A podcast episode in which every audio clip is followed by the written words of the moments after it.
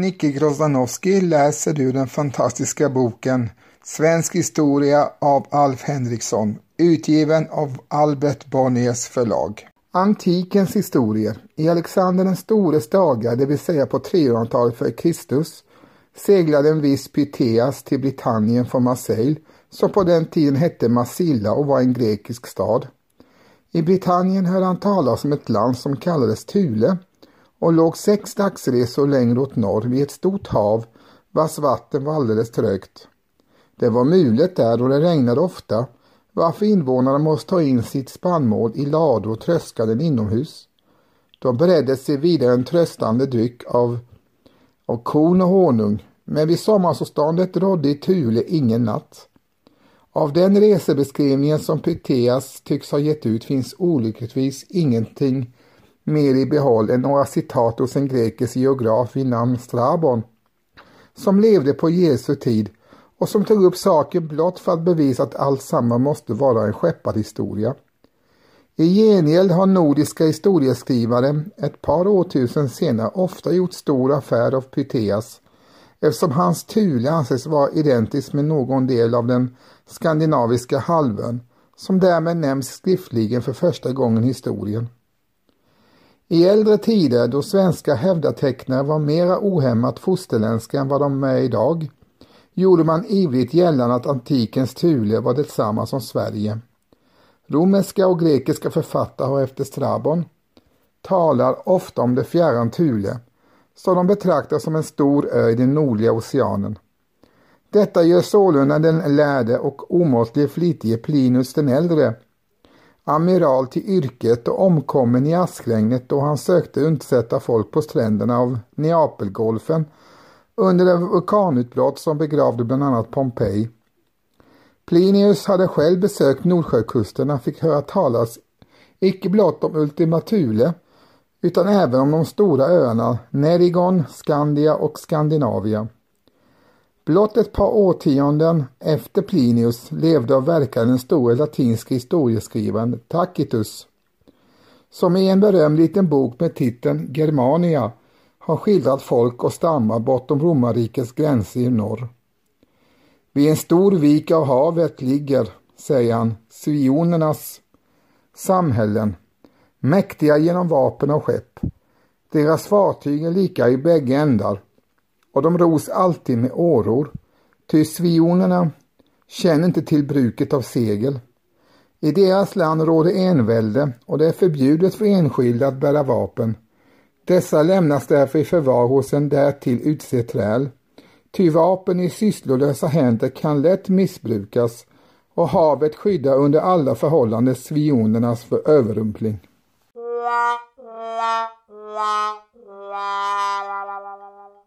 Tacitus är den första skriftställare som på ett igenkännligt sätt nämner svenskarnas namn. Hans svioner är identiska med svearna vid Mälaren. Kan knappast betvivlas. Vad han har att berätta om dem är ju emellertid rätt magert och svensk patriotisk historieskrivning genom tiderna har funnit föga behag i hans notis. Så mycket större utbyte har man haft av några andra antika textställen om folk och förhållanden i länderna längst till norr.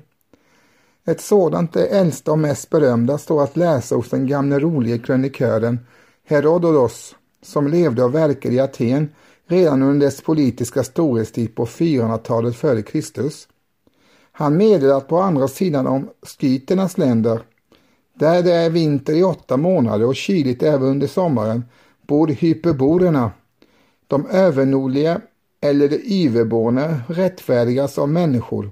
De skickar ibland offergåvor inslagna i halm och vidarebefordrade av alla de mellanboende folken till Apollons helgedom på Delos.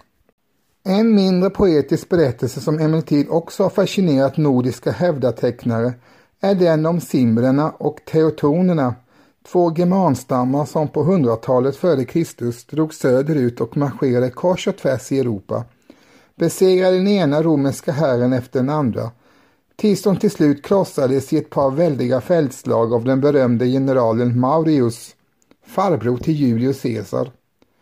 Av dem anses simrerna ha kommit från nuvarande Danmark, men det finns En tid då även Sverige krävde del i deras krigiska ära och tolkade Simrishamn som Simbrisam. Den simriska tragedin var ju ett tidigt förebud till den stora germanska folkvandringen som i sinom tid översvämmade och gjorde slut på romarnas rike.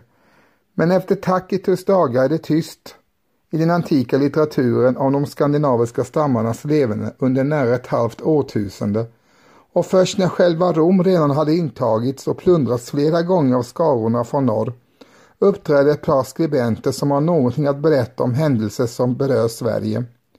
Deras namn är Prokopios och Jordanes och båda levde och verkade i Pysans på 500-talet efter Kristus.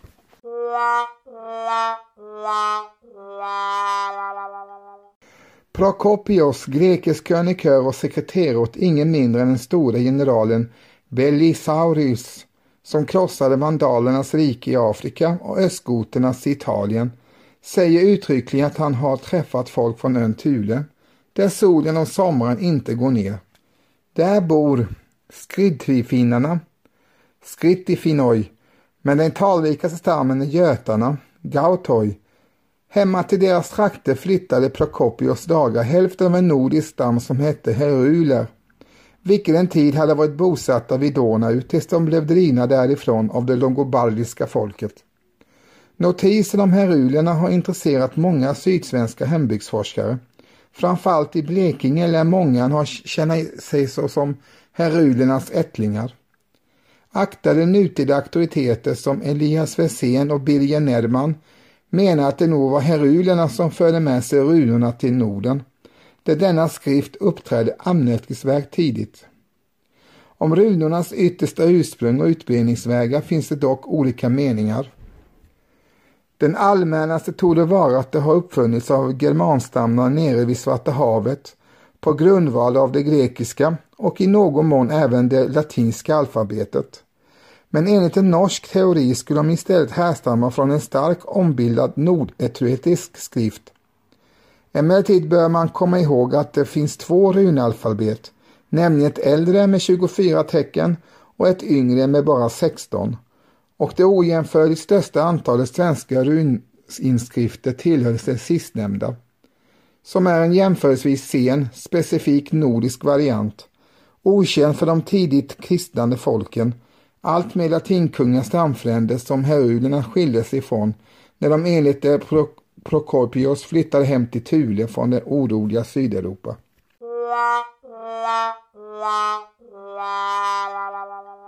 Viktigare än Prokopios för svensk eh, historia Jordanes, en bysantisk präst som på miserabelt latin har skrivit en krönik om goterna, det märkliga folk som i hans dagar härskade i Spanien och i södra Frankrike, efter att ha nyligen har vält det västromerska riket över ända och erövrat själva Rom. Jordanes bok heter De origine Actibusque getarum om geternas ursprung och bragder och själva titeln är ägnad att vålla förvirring, ty den visar att han sammanblandat goterna med geterna, en forntida stam som före de stora folkomflyttningarnas tid bodde vid nedre Donau i nuvarande Rumänien, där också goterna uppehöll sig under ett eh, par generationer.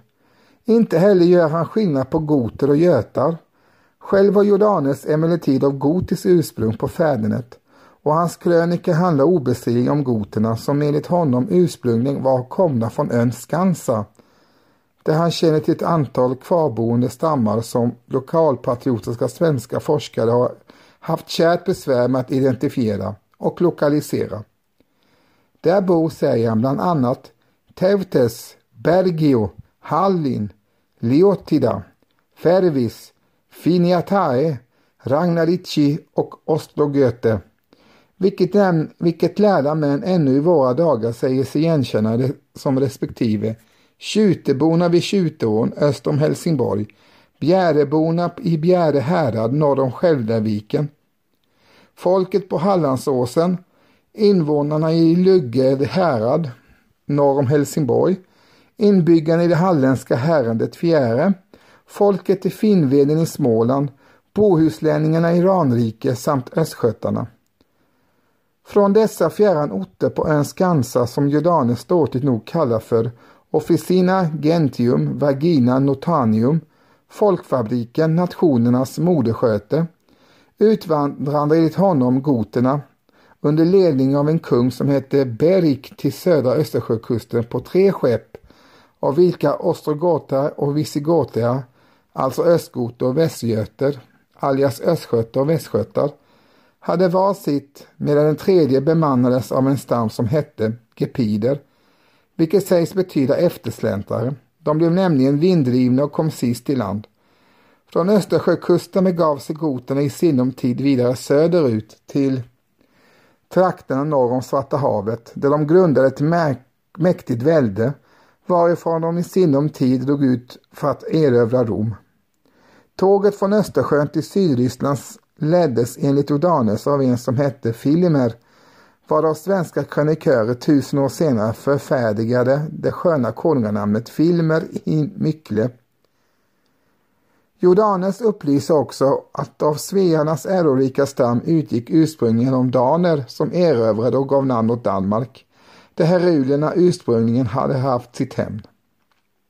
Och denna notis har i våra dagar befunnits mycket rimlig av uppsvenska historieprofessorer, exempelvis Sven Thunberg, Laurits Weibull, god skåning har däremot temperamentsfullt tillbakavisat denna åsikt och fastslagit att uppgiften om danernas härstamning från svearna icke är värda minsta tilltro. Ni har precis hört mig, Nicke Grozanowski, läsa ett stycke ur den fantastiska boken Svensk historia som är skriven av Alf Henriksson och utgiven av eh, Albert Bonniers förlag. Signaturmelodin ni hörde i början är ju den berömda Fjäril vingar syns på Haga, även känd som Fredmans sång nummer 64, som är gjord av Carl Michael Bellman. Och som avslutning får ni höra Par Deus med gruppen Gotthard. Podden utkommer två gånger i veckan, lördagar och onsdagar, med bonusavsnitt lite då och då, så håll utkik. Tack för att ni lyssnade. På återhörande. Hej!